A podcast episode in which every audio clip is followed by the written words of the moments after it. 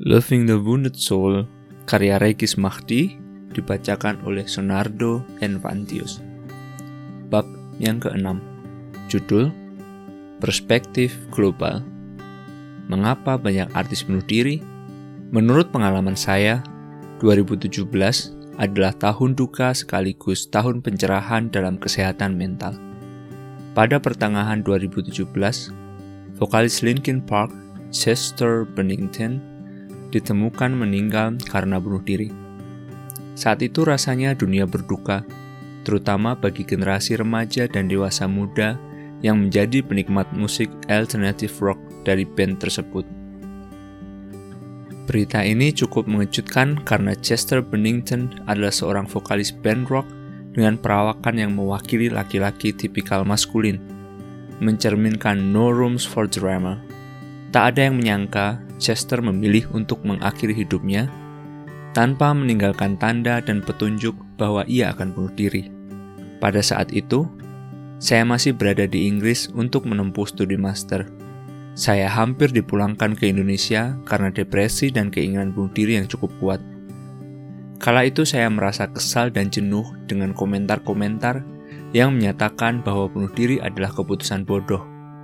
Tidak sedikit yang menyatakan bahwa bunuh diri pasti dilakukan oleh orang lemah atau orang tak beriman.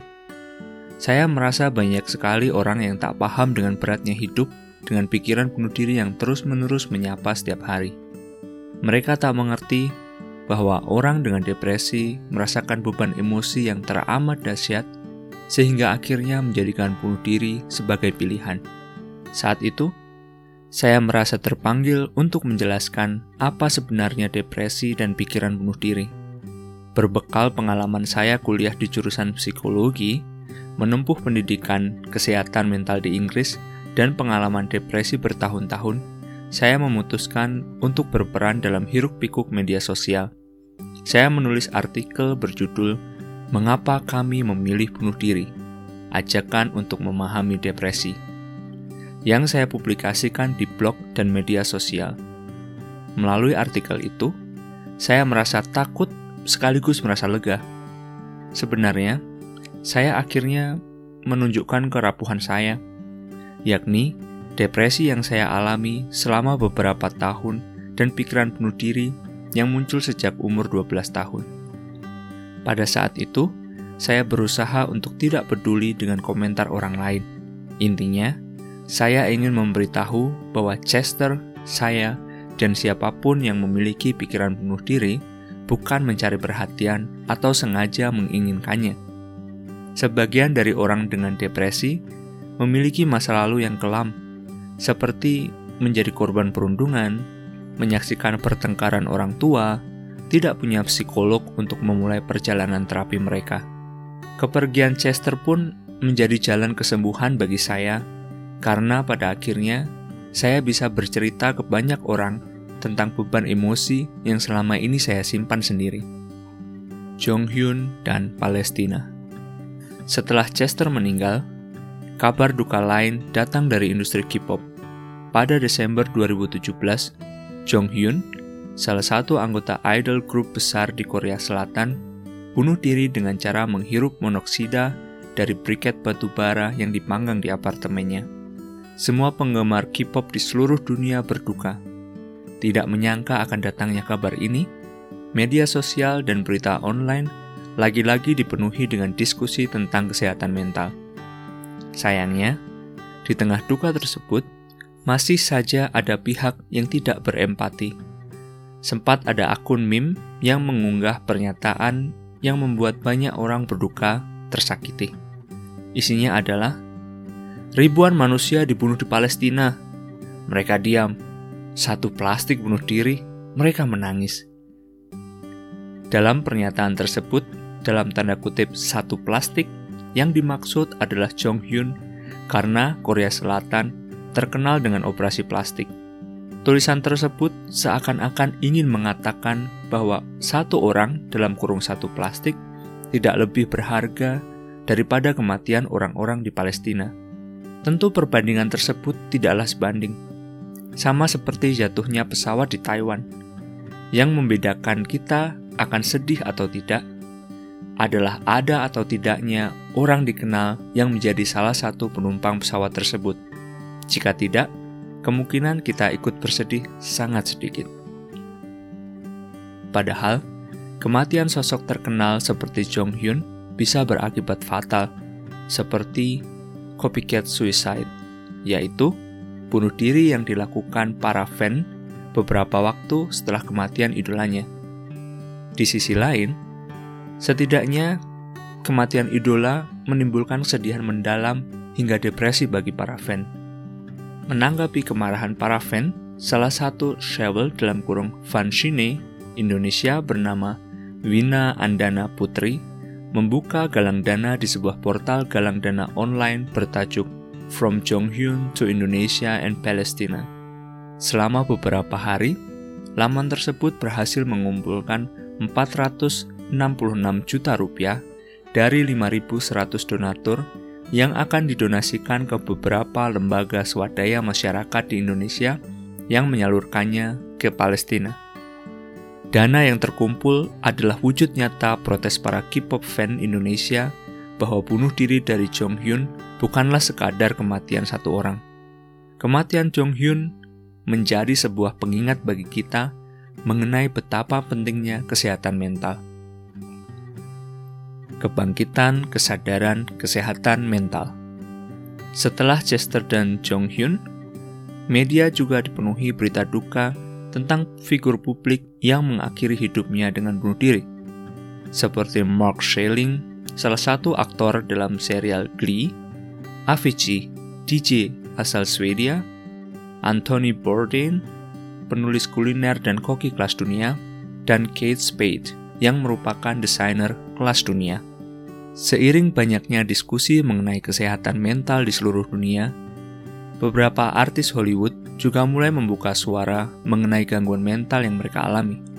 Sebut saja Demi Lovato dengan bipolar dan adiksi yang ia alami, Dwayne The Rock Johnson dengan depresi yang ia alami, Jane Malik dengan eating disorder, dan Lady Gaga dengan post-traumatic stress disorder yang ia miliki karena pernah mengalami pemerkosaan. Bahkan Pangeran Harry, anggota kerajaan Inggris, turut buka-bukaan dengan kecemasan dan mati rasa emosi yang ia alami selama 20 tahun sejak ibunya, Putri Diana, meninggal dunia dalam kecelakaan tragis.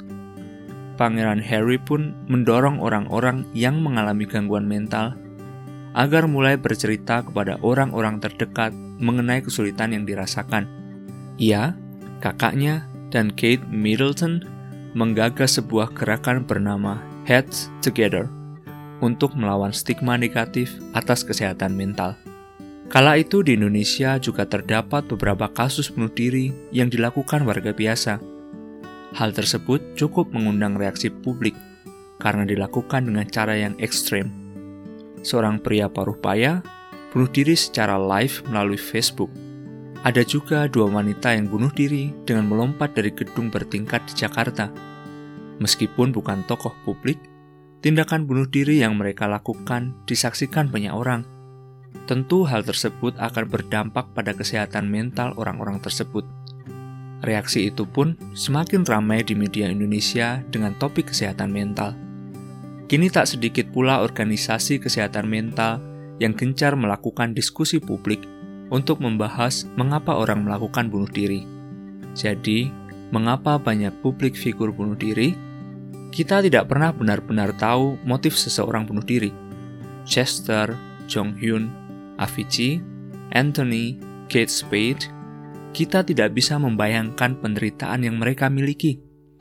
Kita bisa menganggap mereka sebagai representasi dari sejumlah manusia.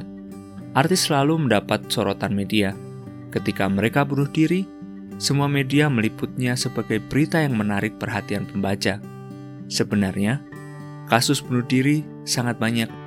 Sayangnya, tidak diliput di media.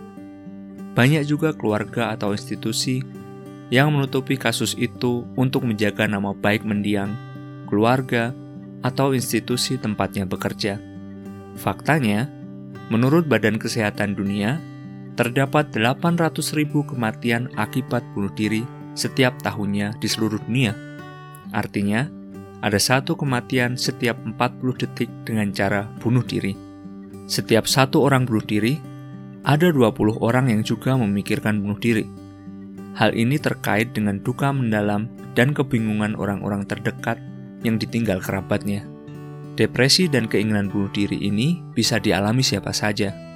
Faktanya, depresi akan menjadi gangguan nomor satu di dunia yang menyebabkan berbagai gangguan fisik dan kematian dini hingga 2030 nanti.